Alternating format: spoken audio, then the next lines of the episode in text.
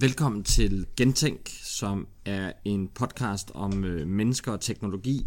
I den her podcast, der sætter vi fokus på forholdet mellem humaniora og de teknologiske discipliner, hvordan vi skaber en ny teknologisk fremtid med et humanistisk ansigt.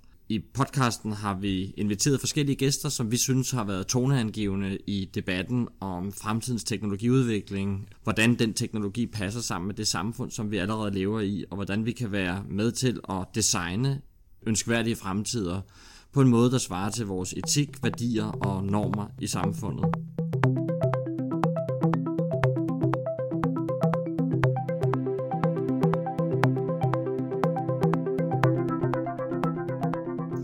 I dag er det en stor fornøjelse at byde vores gæst velkommen. Vi er så heldige at have besøg af Anders Hvid, der er en af Danmarks førende teknologieksperter. Han er forretningsudvikler, han er entreprenør.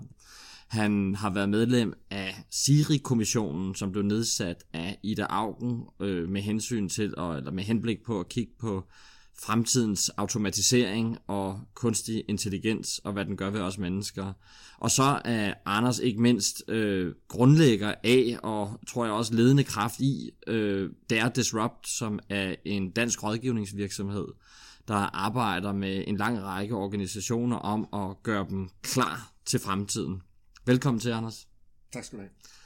Øhm, jeg tænker, at øh, noget af det, som øh, vi skal tale om i dag, det er øh, hele det her spørgsmål omkring, hvordan mennesker kan blive bedre til at adaptere til nye teknologiske virkeligheder. Der er denne her berømte anekdote i store dele af øh, teknologiforståelsen, i store dele af den teknologifilosofi, vi lever under i dag, at mennesker tænker inkrementelt. Vi tænker linært mens teknologien, især de digitale teknologier, udvikler sig eksponentielt. Det vil sige med en langt større hastighed og med en langt større rækkevidde, end vi har været vant til at tænke, sådan fra evolutionens side. Øhm, lad os starte øh, med at spørge, øh, hvad er for dig eksponentiel udvikling? Eksponentiel udvikling for mig er på den ene side en meget øh, konkret observation af vores evne til at lave maskiner, der laver beregninger. Altså vores komputationsevner. Og der øh, en af øh, stifterne af, af Singularity University, Ray Kurzweil, lavede jo øh, tidligere en graf, der lidt gør op med det, vi kender som Moores lov, altså den her accelererende computer, og kiggede på, hvor meget regnekraft kan vi købe for et fast beløb. Så i stedet for at tælle transistorer, som Moore gjorde, så prøvede han at sætte et, et, et, øh, en, en, en værdi på, som gik på tværs af forskellige generationer af computere. Og det han så kunne, kunne se var, at, at, at, at den eksponentielle vækst ikke kun knytter sig til de integrerede kredsløb, men faktisk også til de øh, fire tidligere paradigmer for, for udviklingen af computer. Så det er sådan meget håndgribeligt. Så er der den anden side af det, som også handler om, om, om en mere diffus forståelse af, øh, af en acceleration, at noget, der, der, der accelererer hurtigere eller foran end vores øh, hjernes evne til at, at, at følge med. Ikke? Og der øh, kan vi godt lide at også at præsentere det her skisme, som kommer fra en, en, en fyr, der hedder Mara, Mars lov, om at vi i den første fase af eksponentiel vækst oplever eller overvurderer teknologi, mm. og at i den senere fase, når accelerationen så bliver, bliver voldsommere, undervurderer teknologien. Og der er det sjovt at se, hvordan vi i vores samfund. Nu for eksempel har vi jo i en periode diskuteret meget blockchain og bitcoin, og, og jeg har da været med på konferencer, hvor man har udråbt finanssektorens endeligt inden for øh, korte perioder, men, mm. men der er ikke sket noget som helst. Øh, men det kommer der til, men vi skal bruge længere tid, end vi tror.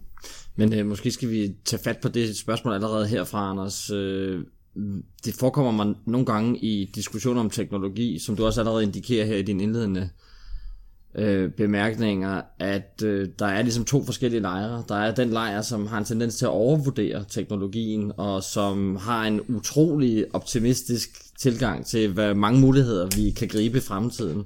Og på den anden side er der en lejr, som er mere prækautionær, som er mere forsigtig, hvis ikke nærmest angst for teknologien. Hvordan ser du på det? Hvordan navigerer du i dit daglige liv i din rådgivningsvirksomhed mellem de to øh, lejre, kan man sige? for mig har det også, altså svaret på det spørgsmål er, at det har også været en rejse for mig. Mm. Og jeg blev nok født over i den teknologiglade lejr, øh, og blev meget fascineret af de muligheder, jeg så. Øh, og indrømmet var nok en lille smule blind for nogle af de øh, slagsider, som teknologien også har. Og der tror jeg, det er vigtigt nu, at vi får et balanceret syn, fordi noget af det, der også kan ske, er, at vi øh, hvad skal man sige, misser nogle af de muligheder, der er, fordi vi bliver bange, at vi bliver for bange for, for perspektivet. Øh, så der, der, er det, der er det ret vigtigt at finde en, en god balance mellem både at have de positive kræfter, der kan tegne nogle, altså nogle, nogle fremtider for os, der kan vise os, hvorfor er det, at vi skal tage de risici? Hvorfor skal vi tage de opgør med nogle af de ting, vi, vi tror på i dag, nogle af de værdisæt, vi lever efter? Øhm, og så skal vi have nogen, som, som, som er i stand til at gennemtænke tingene og sørge for, at vi kommer ind i fremtiden øh, med, med hovedforsk. Jeg kan huske, øh, der er et lidt, øh, synes jeg personligt, øh, urovækkende citat i en øh, rapport, som øh, Dare Disrupt lavede til... Øh, kommunernes landsforening på et tidspunkt, I skriver noget i retning af, at i en øh, ikke øh, så fjernlæggende fremtid, der vil algoritmer kunne gå ind og være med til at augmentere de demokratiske beslutningsprocesser. Fordi vi vil være i stand til øh, ved hjælp af sociale teknologier at vurdere folks præferencer og vurdere deres politiske ståsted på måder, vi ikke tidligere øh, Øh, har haft indsigt i, og vi vil også kunne, I citerer endda Cambridge Analytica, øh, som er den kontroversielle datavirksomhed, der brugt lækket Facebook-data til at påvirke valghandlinger rundt omkring i verden. I citerer dem for at sige, at man faktisk kan lave psykologiske profiler for, for vælgerne. Det jeg hører dig sige her, det er også et balanceret synspunkt, for du siger også, at der skal mennesker til, der skal beslutningsprocesser til. Så selvom teknologien stiller nogle af de her muligheder til rådighed for at augmentere, for at lægge nye lag af kompleksitet øh, til, eller endda fratage os for noget kompleksitet ved at gøre nogle beslutninger lidt mere enkle, så er det stadigvæk mennesker og demokratiske arrangementer, der skal være med til at drive samfundsudviklingen. Er det en færre opsummering af, af dit synspunkt? Ja, og, og så er der mange andre vinkler på lige præcis det citat, du, du hiver frem der, som jo også er det, der blev diskuteret efterfølgende. Altså jeg tror pointen er, at teknologien jo er, eller algoritmer og kunstig intelligens jo er langt bedre end mennesker til at overskue store, komplekse datasæt.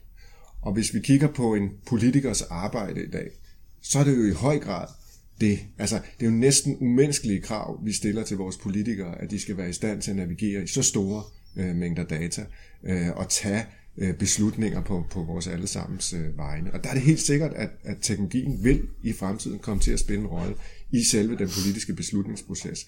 Lige det, vi snakker om her, og det du hiver frem, og Cambridge Analytica handler jo i højere grad om, om at designe sin politik, så den passer til nogle mennesker i en valgsituation. Øh, og det er sådan en speciel sidevinkel på det, som er nok så relevant at, øh, at diskutere. Men det, der er interessant her, er, kunne man forestille sig, at vi havde øh, algoritmer støttede politiske beslutninger. Og det kan man sige, vi kender og har alle sammen hørt om den her, der er få, der har set den, men Finansministeriets regnemaskine, ikke? og det er jo et, formentlig et gigantisk Excel-ark, hvor man kan taste forskellige reformforslag ind og få nogle afledte konsekvenser. Øh, så så vi, vi bruger jo allerede teknologien til at, at, at konsekvensvurdere vores mm. politik, og det tror jeg, vi kan få meget mere ud af teknologi. Mm. Men det er et samspil mellem mennesker og teknologi. Altså, øh, der er mange, der siger, øh, bruger, siger, kunstig intelligens er et svært begreb. Det er et kuffertord, siger man også, et suitcase word, og det betyder, at alle kan putte det ned i det, som de synes, det skal være. Og et andet, jeg ved, MIT bruger begrebet øh, kollektiv intelligens i stedet for. Netop for at fremhæve samspillet mellem mennesker og maskiner. At nogle ting er, er, er maskiner bedre til, og nogle ting er, er mennesker et foretræk. Noget af det, som vi øh, tit bliver konfronteret med fra de humanistiske discipliner, som jeg jo, som jeg jo selv tilhører, ofte også forsvar i en eller anden udstrækning deres, deres samfundsrolle og relevans, det er, at vi tit hører, at der er de, den her, de her to kulturer, snakkede C.P. Snow om øh, tilbage i allerede i 50'erne, hvor han siger, at øh, naturvidenskaben afføder teknologi, der afføder vækst, og som på en eller anden måde er det godstog, der får samfundet til at bevæge sig fremad, mens at humaniora og kunstarterne, de er i en eller anden udstrækning er konserverende, de er fortolkende, de kommer altid efter kendskærningen.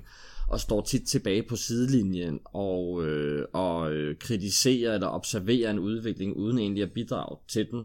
Jeg synes, det er lidt et interessant tema, det her med, hvordan vi ikke nødvendigvis kan gøre humanvidenskaberne produktive, men hvordan vi kan forstå nogle af de både øh, Øh, potentialer, der ligger i teknologien til rent faktisk at fremme menneskelige formål. Nu sidder jeg her med jeres nye øh, bog foran jer, du har skrevet sammen med Rasmus B. Olsen om at gribe fremtiden, som handler om offentlig innovation og bedre velfærd. Det der med at få den menneskelige faktor med i teknologiudviklingen, i stedet for at se den enten som en hemsko, eller som en konserverende, begrænsende faktor. Er der nogen tankestrømninger? Det er der nogle folk, vi skal være inspireret af, som i dine øjne har været med til på en eller anden måde at øh, skabe en bedre syntese mellem det menneskelige og det teknologiske? Uh, altså det, jeg synes, der er, er helt centralt i det punkt, vi står i nu, er, at vi har brug for en ny fortælling at, at teknologien kan alt. Altså, alt er muligt øh, med, med teknologien. Det vi har brug for, det er at få den, få den i en retning, eller få en fortælling omkring den, som er attraktiv for os som mennesker at være i. Og, og der mener jeg jo helt klart, at der er en, en rolle for, mm. for, de, for, for den, den, den humanistiske videnskab. At, at vi, øh, at hvis vi skal have folk med os, hvis det ikke skal ende i et frygtscenarie, så er vi jo nødt til at vide, hvorfor det er, vi skal træde ind i den her verden, og hvad det er, den kan mm. tilbyde os som, som mennesker. Og noget af det, vi prøver i, i bogen, er også at udfordre kommunerne lidt på deres måske øh, eksistensberettigelse, at sige, måske er det et, at teknologien en mulighed, ikke bare for at, at blive mere effektiv, men for at kunne noget helt andet, for at kunne tilgå borgerne på en helt anden måde, for at kunne facilitere et lokalsamfund, frem for mm. at, at, at, at øh, øh, at regulere eller mm. udføre øh, almindelig traditionel offentlighed. Men måske også allerede i designet af teknologierne. Nogle gange, der har vi også haft den her tendens til, især i, i, i humaniora og samfundsvidenskab, og, og indtage sådan rollen som, som teknologivurdering, kaldte man det i gamle dage, technology assessment. Det var sådan en slags øh, øh, dommerfunktion, hvor man skulle sidde og vurdere, om der var nogle etiske konsekvenser, om teknologiske udfaldsrum kunne fordele sig ulige i befolkningen i forhold til, hvem der bærer ansvar og risici, og også hvem der står for fortjenesten på nogle af de her teknologier. Øhm, det, som måske er mere interessant at kigge på, det er, hvordan kan man ligesom øh, lave et mere sådan humancentrisk designunivers, hvor man bygger den menneskelige faktor ind på forhånd. Jeg kan give dig en lille anekdote. Tidligere på året, der besøgte jeg selv øh, Silicon Valley og havde et interview med en af chefdesignerne i øh, Google X, som øh, er med til at, at, at øh, lede deres øh, forskningsprogram for selvkørende biler, og han sagde, at vi er øh, faktisk i en situation i dag, hvor vi har lavet så kraftige algoritmer, at vi faktisk i vid udstrækning kan få det her øh, netværk af selvkørende autonomiserede biler op at stå. Men vi opdager også, at der er nogle kræfter på spil, når man lukker de her biler ud i, i infrastrukturen, ud i økosystemet, nemlig nogle menneskelige kræfter. For eksempel ved vi fra studier, vi har lavet, og det kommer som en stor overraskelse, sagde han øh, tit og ofte fra ingeniørerne, at en ung mand på 22, der får en ny Tesla, han har det altså med at åbne kølerhjelmen og begynde at sætte nye chips ind i den og få den til at køre stærkere. Øh, tilsvarende er der mange, der maler deres biler i andre farver, får dem rappet i forskellige, øh, hvad hedder det, udformninger, og dermed ødelægger sensorteknologien. Så hele den der menneskelige faktor, hvor vi har lyst til at være æstetiske, og vi har lyst til at ændre vores omgivelser, sagde han, det er faktisk for Google X en af de største udfordringer i dag. Og noget af det, han også sagde, som jeg synes var påførende, det var, at han sagde, at vi har simpelthen svært ved at finde antropologer og psykologer og filosofer, der kan hjælpe os med det problem. Det er som om, at at Snows gamle idé om de to kulturer alligevel, selvom at en virksomhed som Google faktisk ikke bekræfter det, men den alligevel eksisterer.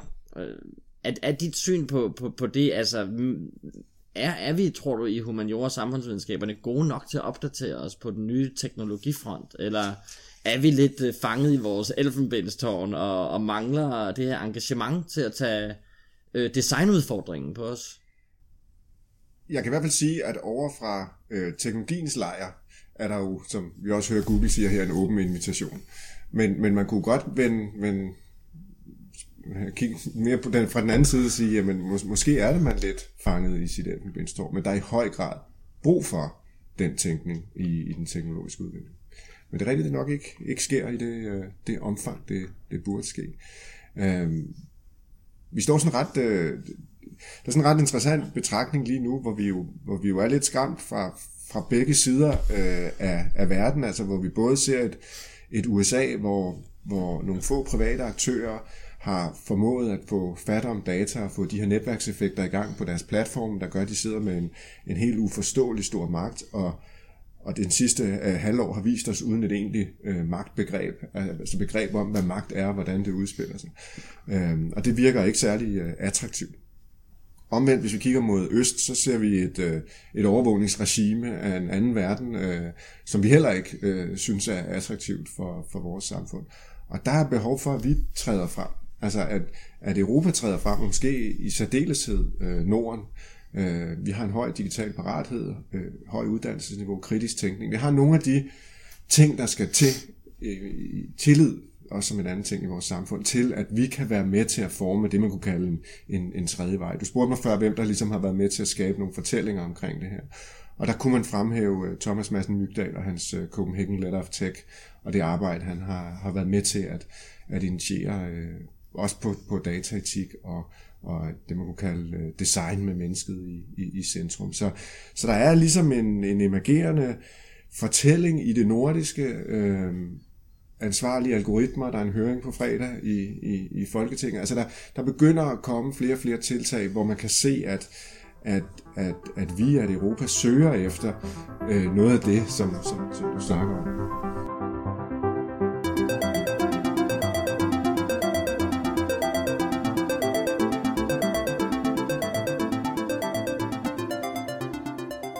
Kunne man gå så langt som til at foreslå, at velfærdsstaten kunne være et laboratorium for nogle af de her teknologier, altså prøve at lave en, en, en velfærdsstat 2.0, som, som ikke bare øh, åbner op for en mere, hvad kan man sige, øh, ureguleret teknologiudvikling, men går ind ved hjælp af de øh, normative, altså etiske standarder, der ligger i vores del af verden, som du siger, den nordiske, skandinaviske model, og rent faktisk skaber et kollektivt laboratorium. Vil det være noget, er det noget, du ser en mulighed for, at man kunne arbejde med? Det er i hvert fald et rigtig attraktiv måde at lave et laboratorium på, fordi man jo netop har en, en, en, en velfærdsstat, som bygger på tillid, og hvor vi, vi kunne styre det i en, en, en åben øh, form. Så det er, det er rigtig spændende. Der er stor, der er stor øh, forvirring, og der er stor frygt lige nu i, i mange steder i den offentlige sektor, fordi man har jo brændt fingrene på data og brug af data, og har krydset nogle grænser for privatliv, som, som, øh, som øh, er blevet sådan udråbt som kæmpe øh, for det. Altså der, den berømte øh, Gladsaxe-sag, ikke, hvor man begyndte at se en korrelation mellem øh, tandpleje hos børn og dysfunktionelle familier. Og med henblik på tidlig intervention, som alle er enige om er en mm. god idé, så lavede man nogle lister øh, og, og, og kontaktede familier. Der trådte man jo ind over en, den, den, sådan en konfidentiel øh, dialog mellem lægen, tandlægen i det her tilfælde, og, og, og barnet eller familien, mm. og pludselig sad kommunen med på skulderen og kiggede med ind over.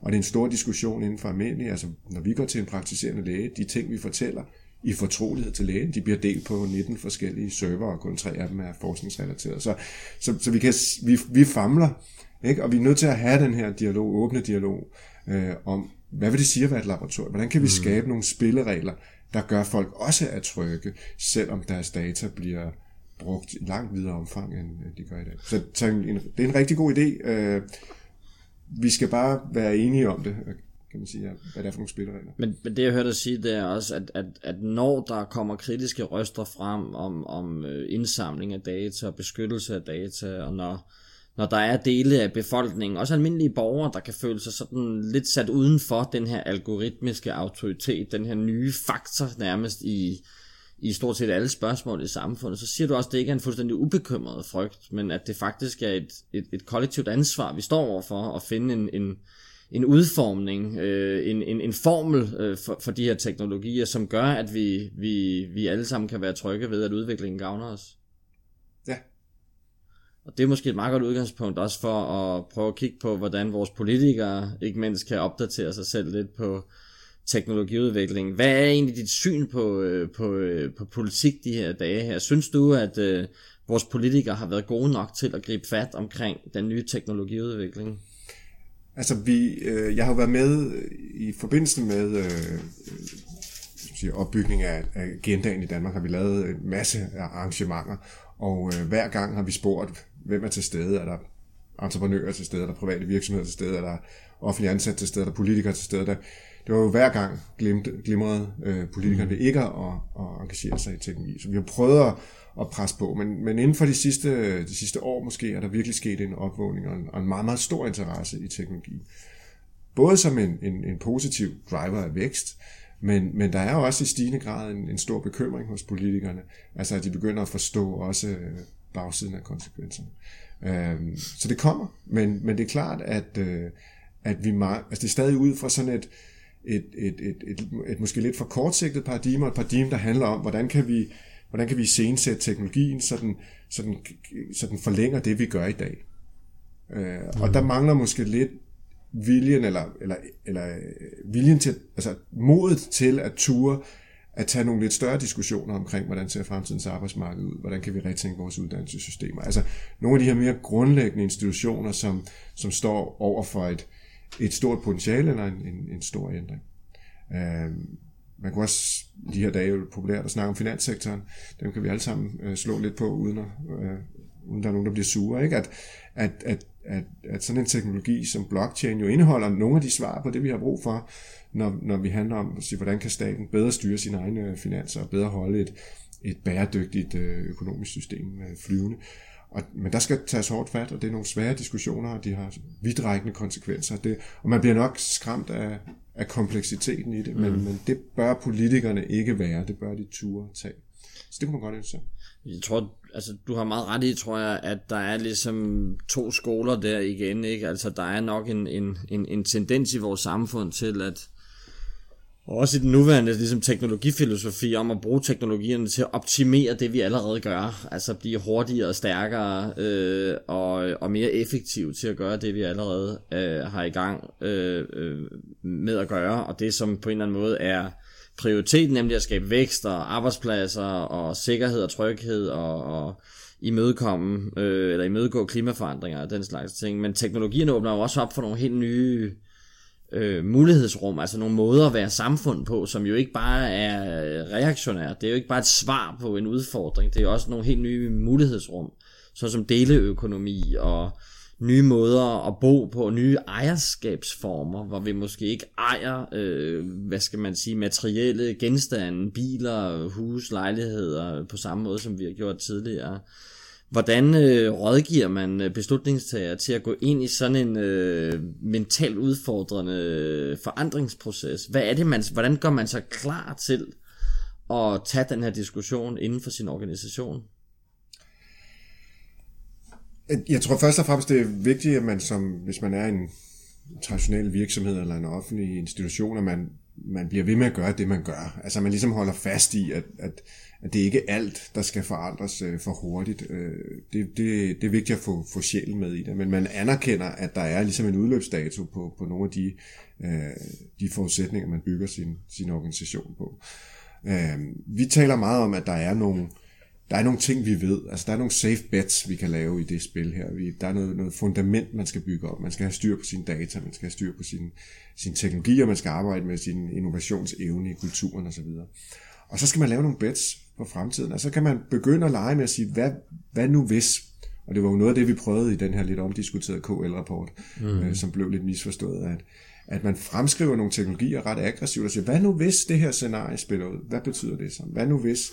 Og så kan man opstille det, og, og, og, og i virkeligheden, det er jo paradokset her. På den ene side er vi mega bange for alt det, der forsvinder, men omvendt så er, det, så er der så fantastisk mange muligheder, der udfolder sig. De er sindssygt spændende og indeholder mange facetter at man ligesom tegner måske 10 forskellige scenarier op for fremtiden, og så siger, hvor, hvor vil vi sætte vores, hvad satser vi på bliver til noget? Hvor popper teknologien op inden for vores øh, verden, og hvad er det så for nogle, nogle nye mulighedsrum? Så både at få styr på, hvad gør vi i dag på den korte bane, men samtidig kigge ud i fremtiden og sige, hvad er det, der, kan, der kunne komme til at udfolde sig? For vi kan ikke det hele, men, men vi er nødt til at begynde at satse lidt og komme i gang med en, en, en retning eller en læringsproces. Men vi hører også tit det her udsagn med, at øh, at stå stille er ikke en mulighed. Altså, øh, velfærdsstaten har med det nuværende udgiftsniveau, og med den aldrende befolkning, og med øh, fordyrelsen af mange medicinske teknologier, simpelthen ikke øh, mulighed for at stå stille. Vi er nødt til at flytte os. Og øh, det er vi jo nok også som samfund på en eller anden måde gør os klar til at, øh, at tage det på os som en kollektiv opgave, at ved siden af de der store samfundsmæssige udfordringer som fødevare og klima, jamen der er øh, robotisering og AI og automatisering af arbejdspladser jo en uomgængelig vilkår for ikke bare den fremtidige generation, men angiveligt allerede i vores generation. Og der er jo, øh, hvad hedder det, selvfølgelig mange bud på, hvordan det konkret kommer til at se ud, og som du nævnte før, der er også nogle virksomheder, der er gode til at gå ind og lave et capture og eje fremtiden.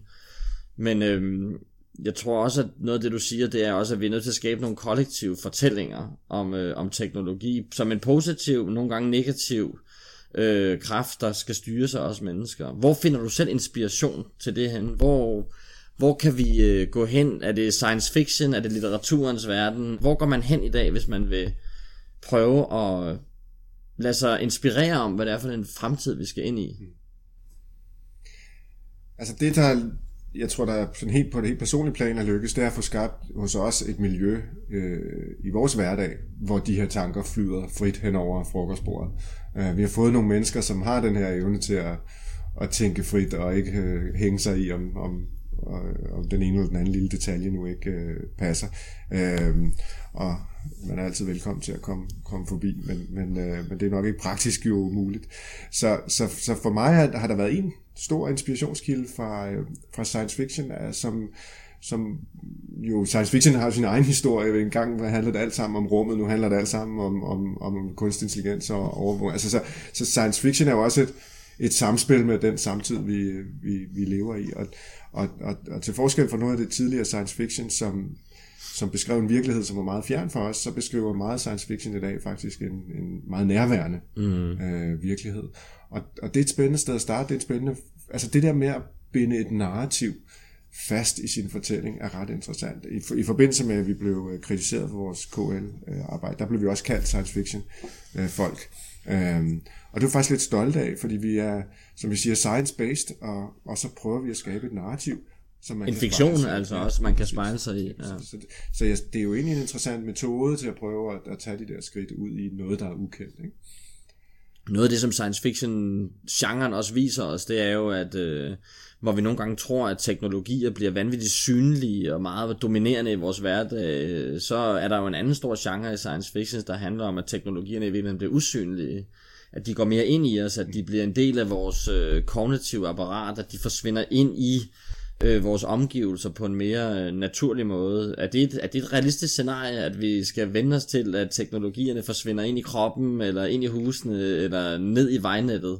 Ja, det tror jeg er, er uomgængeligt, hvis vi har kigget på på udviklingen i altså tilbage til den helt øh, øh, håndgribelige udvikling i, i computers øh, performance og størrelse osv., at vi vil i hvert fald skabe computere, som vil være, have en størrelse, hvor vi kan få dem øh, ind under huden. Ikke? Og det er jo mm. allerede masser af forsøg, hvor man laver øh, små sensorer.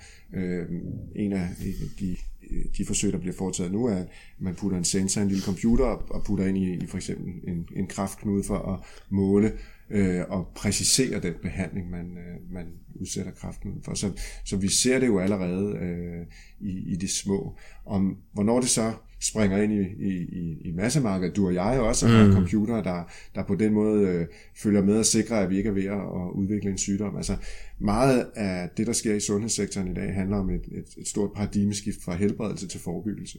Og der er jo viden øh, realtidsviden om vores kropsfunktionalitet jo central. Øhm, så jo hurtigere man kan detektere sygdom, jo nemmere er de at behandle. Og det kommer til at, at være en af de sådan større øh, st- skift, vi, vi kommer til at opleve inden for sundhedsområdet.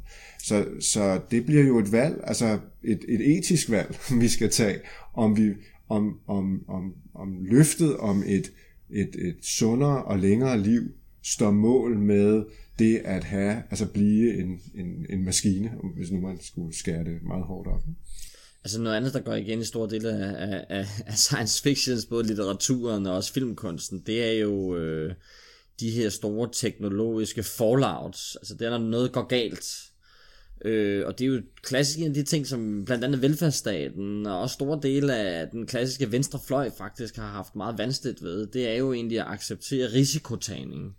Du talte før om det her med øh, at lave nogle bets, kaste lidt nettet ud, men også være villig til på en eller anden måde at lave nogle fejlinvesteringer det hører også lidt til den her metafor omkring velfærdsstaten som laboratorium. Hvordan ser du egentlig på vores risikovillighed? Er vi simpelthen for konservative i vores tilgang til fremtiden? Tør vi lave de bets, du taler om, eller er vi forbundet op i denne her lineære øh, risikoreducerende tænkning, som blandt andet Kurzweil jo øh, nogle gange på sine mørke dage anklager menneskeheden for at være sådan fanget i. Ja.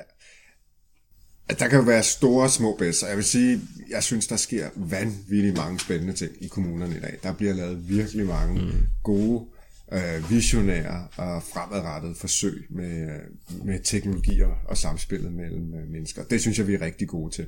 Det man kunne savne var, at vi også, altså nu har vi lige haft et, et, et disruption-råd, som er på sin, sin sidste periode, eller sidste del af perioden her, at man, at man også kvæg nogle af de forer, man faktisk har fået skabt, turde tage nogle større diskussioner omkring et, et arbejdsmarked, som så markant anderledes ud i dag, og så videre. Nogle af de ting, jeg også tidligere mm. har nævnt. Ikke? Så, så, så på de små skridt, og, og det er jo et godt sted at starte, altså, øh, fordi så gør fejlen ikke lige så ondt, når vi, vi laver Men der skal mm. vi ture øh, fejle, og der, der har vi nok nogle, nogle offentlige systemer, såvel som i private virksomheder, som har svært ved at, at fejle. Mm. Og der, der handler det jo meget om, at man får sat, sat nogle, altså jeg nævnte før nogle spilleregler op, at man ligesom beslutter, hvor er det, vi eksperimenterer, og at dem, som er med, de borgere, der indgår i eksperimenterne, er enige om, at det er det, vi gør. Og derfor heller ikke forventer øh, perfekte løsninger, men at det her er noget, vi prøver øh, at, at arbejde med. Det kunne være, at vi øh, måske bare for lytternes skyld skulle forklare lidt om, hvem er egentlig Ray Kurzweil. Øh, nu har vi begge to nævnt ham et par gange. Ja. Kurzweil er en af de store inspirationskilder til blandt andet ideen om singularitet, øh, og jeg ved også, at han har spillet en rolle i din egen øh, intellektuelle udvikling. Hvem er egentlig Kurzweil? Jeg mødte ham øh, første gang i 2010, da jeg var på øh, øh Singularity University, som jeg sætter hans projekter, han har været med, øh, medstifter af. Han er, øh, han er en særlig mand, han er, han er opfinder, øh, han er, øh, er forfatter. Øh, han har st- øh, startet øh, masser af virksomheder og udviklet mange patenter. Han ejer patentet på, på flatbed-scanneren, på synthesizeren, øh, bare for at nævne et par øh, af hans, øh, hans patenter. Han, øh, han er sådan et wonderkid, som, altså han er hyperintelligent og har, har været meget øh, epokegørende inden for, for, for udvikling af digital teknologi, og jo kom frem med det her begreb singulariteten, som han beskriver som det punkt i tiden, hvor hvor computerne bliver så hurtige, at de ligesom øh, overtager en, en, en rolle for mennesket, og, og, og vi ikke kan se, hvad der sker på den anden side af, af det punkt. Så han har, han har lavet nogle meget aggressive fremskrivninger af computerens evner. Og det der måske, hvis nogle af kritikerne rejser som spørgsmål til ham, er, at han lige præcis mangler mm. den dimension, der handler om, er det, er det en attraktiv øh, fremtid? Hvad er, hvad er de menneskelige aspekter? Er det noget, vi ønsker at sætte i værk? Øhm, men, men, øh, men han har lavet nogle, nogle forudsigelser, som har været interessante, og som har, har holdt. Øh, og hans, hans næste forudsigelse er jo øh, opfyldelsen af, af Turing-testen, altså det, at den kunstig intelligens bliver så intelligent, at vi ikke kan skelne på, om vi snakker med et menneske eller en, en, en kunstig intelligens i, øh, i hvad hedder det, midt 2020'erne, ikke? Øh, og hans singularitets øh, øh, forudsigelse forventer han vil ramme os i 2045. Men der, der, der er jo der er lige så mange meninger om det her. Øh, det er måske også en, en, et moving target. Øh, hvornår præcis øh, teknologien modnes til en grad, så den bliver... Øh, så den bliver decideret autonom i den forstand, ja. han fremskriver. Han er en meget omdiskuteret person. Uh, han er provokerende, uh, og det gør ham også inspirerende. Men jeg tror, man skal passe jo meget på med bare at købe det hele. Han er også interessant fra et øh, humanistisk perspektiv, fordi han jo sammen med Max Moore har stået i spidsen for det, der hedder den transhumanistiske bevægelse, som selvfølgelig til dels handler faktisk om nogle sådan helt konkrete ingeniørvidenskabelige fremskridt om at lave augmenterede mennesker og lave egentlig human enhancement ved hjælp af af bioteknologi eller inkorporering af, af sådan forskellige cyborg-teknologier som bedre retina eller øh, bedre sanseapparat i forskellige udfordringer. Men det er jo også egentlig en, en, en ny filosofi, der jo øh, i virkeligheden kigger på det menneske, som vi har fået videre, eller overbragt fra evolutionen og fra artshistorien, som et skridt ud af mange mulige skridt, som øh, mennesket også kan udvikle sig i fremtiden. Han har nogle ret markante formuleringer om, at, at mennesket, øh, hvad hedder det, i sin nuværende form vil være et, et, et aggregat, en, en, en, en art, en størrelse, der vil blive overskrevet til fordel for, for øh, nye øh, mennesketyper, der måske ikke deler helt samme øh, træk som, øh, og samme i virkeligheden hjerne og kognitive neurale netværk, som det vi har i dag.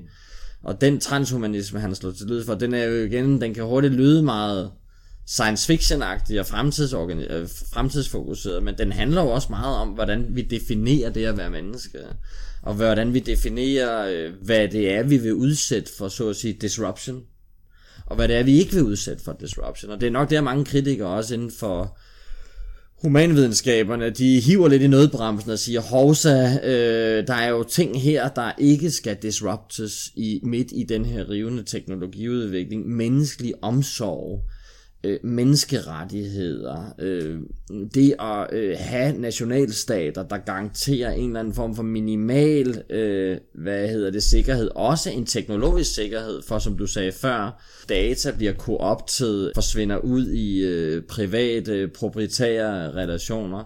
Og den der øh, menneskelige kerne, man kunne nærmest kalde det, ja, i modsætning til transhumanismen, humanismen, altså de ting, der ikke skal disruptes, det er selvfølgelig stadigvæk noget, som øh, er i fokus for rigtig mange øh, humanvidenskabelige forskere. Men der er også en ny, tror jeg, du har ret, en ny syntese på vej, hvor øh, folk er villige til at kigge på det her som øh, et vilkår, der kommer, og som noget, vi er nødt til at gå i møde med åbne øjne, og som måske, det ved jeg ikke, hvordan du ser på det, men som måske også kommer til at ændre det menneskelige vilkår. Det, det tror jeg, det gør. Altså to ting. Den ene er, jeg kan ikke se, hvorfor at det, at vi får nye øh, kompetencer, nødvendigvis skulle fjerne vores lyst til at udvise omsorg. Altså, det, der er nogle ting her, som jeg ikke kan se er troet af teknologi, men jeg møder jo også, altså jeg møder jo mange mennesker, som, som har stor bekymring, og hvor, hvor jeg kan se det her træk, at man, man simpelthen er bekymret for noget grundlæggende menneskeligt, der er ved at forsvinde. For eksempel omsorg, mm. medmenneskelig omsorg. Og, og det kan godt være, at jeg er naiv, men, men jeg kan ikke se, at vi for eksempel holder op. Øh, jeg havde en, øh, øh, som, som mente, at fordi vi fik en intelligent vugge til vores børn, der kunne måske øh, se, hvordan de havde øh, sovet om natten, hvordan søvnmønstret var, eller fortælle os, at den gråd, der var nu, var fordi de var sultne eller havde en våd blæ, at, at det skulle så medføre, at vi holdt op med at samle vores børn op fra, fra vuggen, eller havde en dårligere kontakt til vores øh, spædbarn.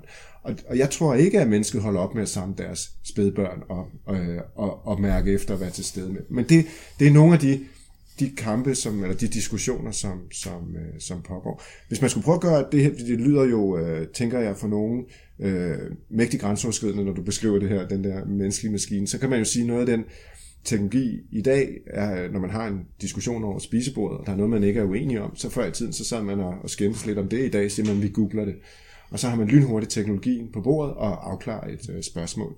Øh, hvis man så fremskriver det lidt, så findes der et par virksomheder i dag, som arbejder med det, man kunne kalde øh, computer-brain interfaces, altså at computeren kan styres fra hjernen, og ikke skal, ligesom skal via et øh, device. Så kan man jo forestille sig, at man googler med tankerne, altså at man, og det er jo der Ray Kurzweil spillede også her, men man udvider øh, øh den menneskelige cortex, altså hjernen, med, med internettet, at den er direkte forbundet. Ikke? Og, og så kan man spekulere på, hvad vil det sige, hvad vil det betyde for mig, som, hvad vil det betyde for en uddannelsesinstitution, hvis vi alle sammen har en konstant forbindelse og en evne til at have al viden øh, præsent i, mm. ved tankens kraft. Så nogle tanker er, jo, er spændende og, og, og, og en lille smule skræmmende at, at, at få ud. Ikke? Jeg mener, han sagde i et interview til The Guardian på et tidspunkt, at det ville jo gøre det noget nemmere at tage på date, fordi man kunne jo til enhver givet tidspunkt recitere hele Shakespeares forfatterskab Øh, og det vil virke ganske imponerende på modparten, så måske har teknologien i den henseende virkelig nogle store fordele. Der er øhm, et andet i mange af hans historier, der handler om at tage på date. Jeg ved ikke, om der ligger noget i det.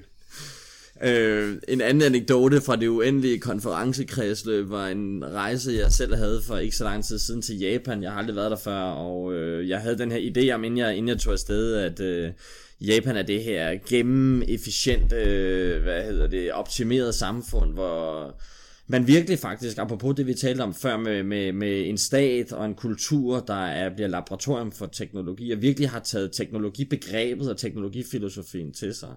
Og jeg vil også sige, at jeg fik jo bekræftet øh, på min rejse, at øh, der er teknologi overalt, men at de også er meget menneskelige øh, i deres tilgang til, hvordan de regulerer den her teknologi. Der er ikke nogen øh, af de øh, ingeniører og teknologiudviklere, jeg mødte i Tokyo eller i Osaka, som øh, tilskriver teknologien en selvstændig kraft. Det de gør, det er, at de siger, at vi skal bruge teknologierne til de formål, vi definerer som mennesker. I Japan et meget stærkt fokus på et harmoniprincip, som er indlejret i en århundrede lang kulturel tradition, der handler om, hvordan vi er mennesker med hinanden. Til det formål kan du bruge teknologier til at skabe for eksempel, som du selv nævnte, bedre behandling i sundhedssystemet, øh, mere klimavenlige teknologier og den slags ting. Men ideen om, at vi ikke skal tillægge teknologien mere vægt i virkeligheden, end den har, men kigge på den som en hjælpende hånd, en udvidet hjælpende hånd, det er måske en af nøglerne til det, vi også skal gøre i Europa og USA i den vestlige verden. Jeg tror, jeg er, er meget rigtigt ikke at gøre den til, til mere. Den er, altså teknologien i vores syn er grundlæggende en, en forlængelse af, af mennesket, men, men det er klart, at når så vi forlænger os selv med den, så spejler den jo tilbage til os og skaber nogle ændringer i vores øh, samfundsstruktur. En anden forfatter, som, som er virkelig spændende øh, på, på det politiske det politiske element i teknologien er Langdon Winner, som har øh, for nogle år siden, øh, en del år siden, skrevet en bog, der hedder The Reactor and the Whale, hvor han, øh, han, blandt, giver et eksempel, som jeg har været rigtig glad for at bruge omkring energi og den politiske beslutning af, hvilke energisystemer man, man vælger, og hvad det har konsekvenser. Hvor han siger, at vi kunne have løst øh, CO2-problemet, hvis vi bare havde installeret atomkraft for mange år siden. Men hvis vi havde taget det valg, så havde vi også taget et valg om et kontrolsystem. Fordi atomkraft jo legitimerer en høj grad af kontrol af de her øh, hvad skal man sige, systemer, som kræver, øh, at de bliver overvåget. Mm. Og den kontrol vil have spredt sig øh, ud i, i resten af samfundet. Hvor en teknologi som solceller per natur er en distribueret øh, teknologi, der slet ikke på samme måde øh, trækker den samme politiske agenda med sig. Så, så, så teknologien i, i bits og bytes har ikke nogen politisk agenda, men lige så snart vi sætter den sammen, så tjener den et, et politisk øh, formål. Det skal vi være meget bevidste om, når vi iscenesætter teknologi.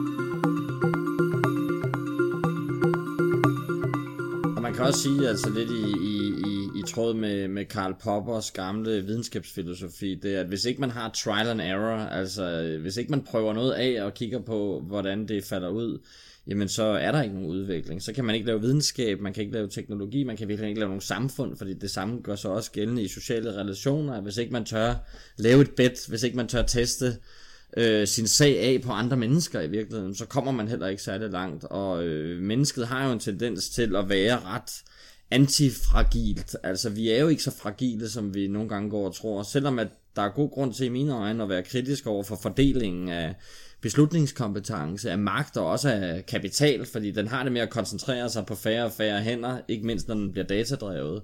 Så på trods af, at den kritik bør være velartikuleret, så er det jo også sådan, at øh, mennesker jo øh, tit er meget mere robuste, end vi øh, bilder os selv ind, og at vi faktisk godt kunne lave nogle eksperimenter, som øh, vi måske i dag er lidt øh, ængstlige for at indlade os i. Og så tror jeg, at vi er meget biased omkring, at nuet er, er, ligesom er, er rigtig godt, altså, og, og, og alt det der, vi kan eksperimentere med, det, det kan da godt være, at det har et potentiale, men, men er det nu også klogt? Altså, at, at der, er en masse, der er en masse problemer i det system. Vi har et økonomisk system, som ikke øh, indregner eksternaliteter, som for eksempel øh, miljø. Vi har en, et, et finansielt system, som, som bliver mere og mere skævvredet. Altså, der er jo behov for, at vi prøver nogle nye løsninger for at skabe nogle bedre samfund. Og, og, og det kan det kan godt være, at det ikke går 100% godt, men, men det ser jo heller ikke helt perfekt ud, som, som det er nu. Så, så der er god grund, vi kalder det lidt uh, responsible disruption, altså at der er nogle ting, der skal disrupts. Det er der simpelthen uh, behov for, at vi, vi tør at, at, at rode op i de gamle magtstrukturer. Anders, uh, tusind tak, fordi du kiggede forbi til podcasten Gentænk. Uh, det var en fornøjelse, og jeg var glad for, at du var villig til at give det et uh, go og snakke lidt om humaniora og teknologiudvikling. Tak skal du have.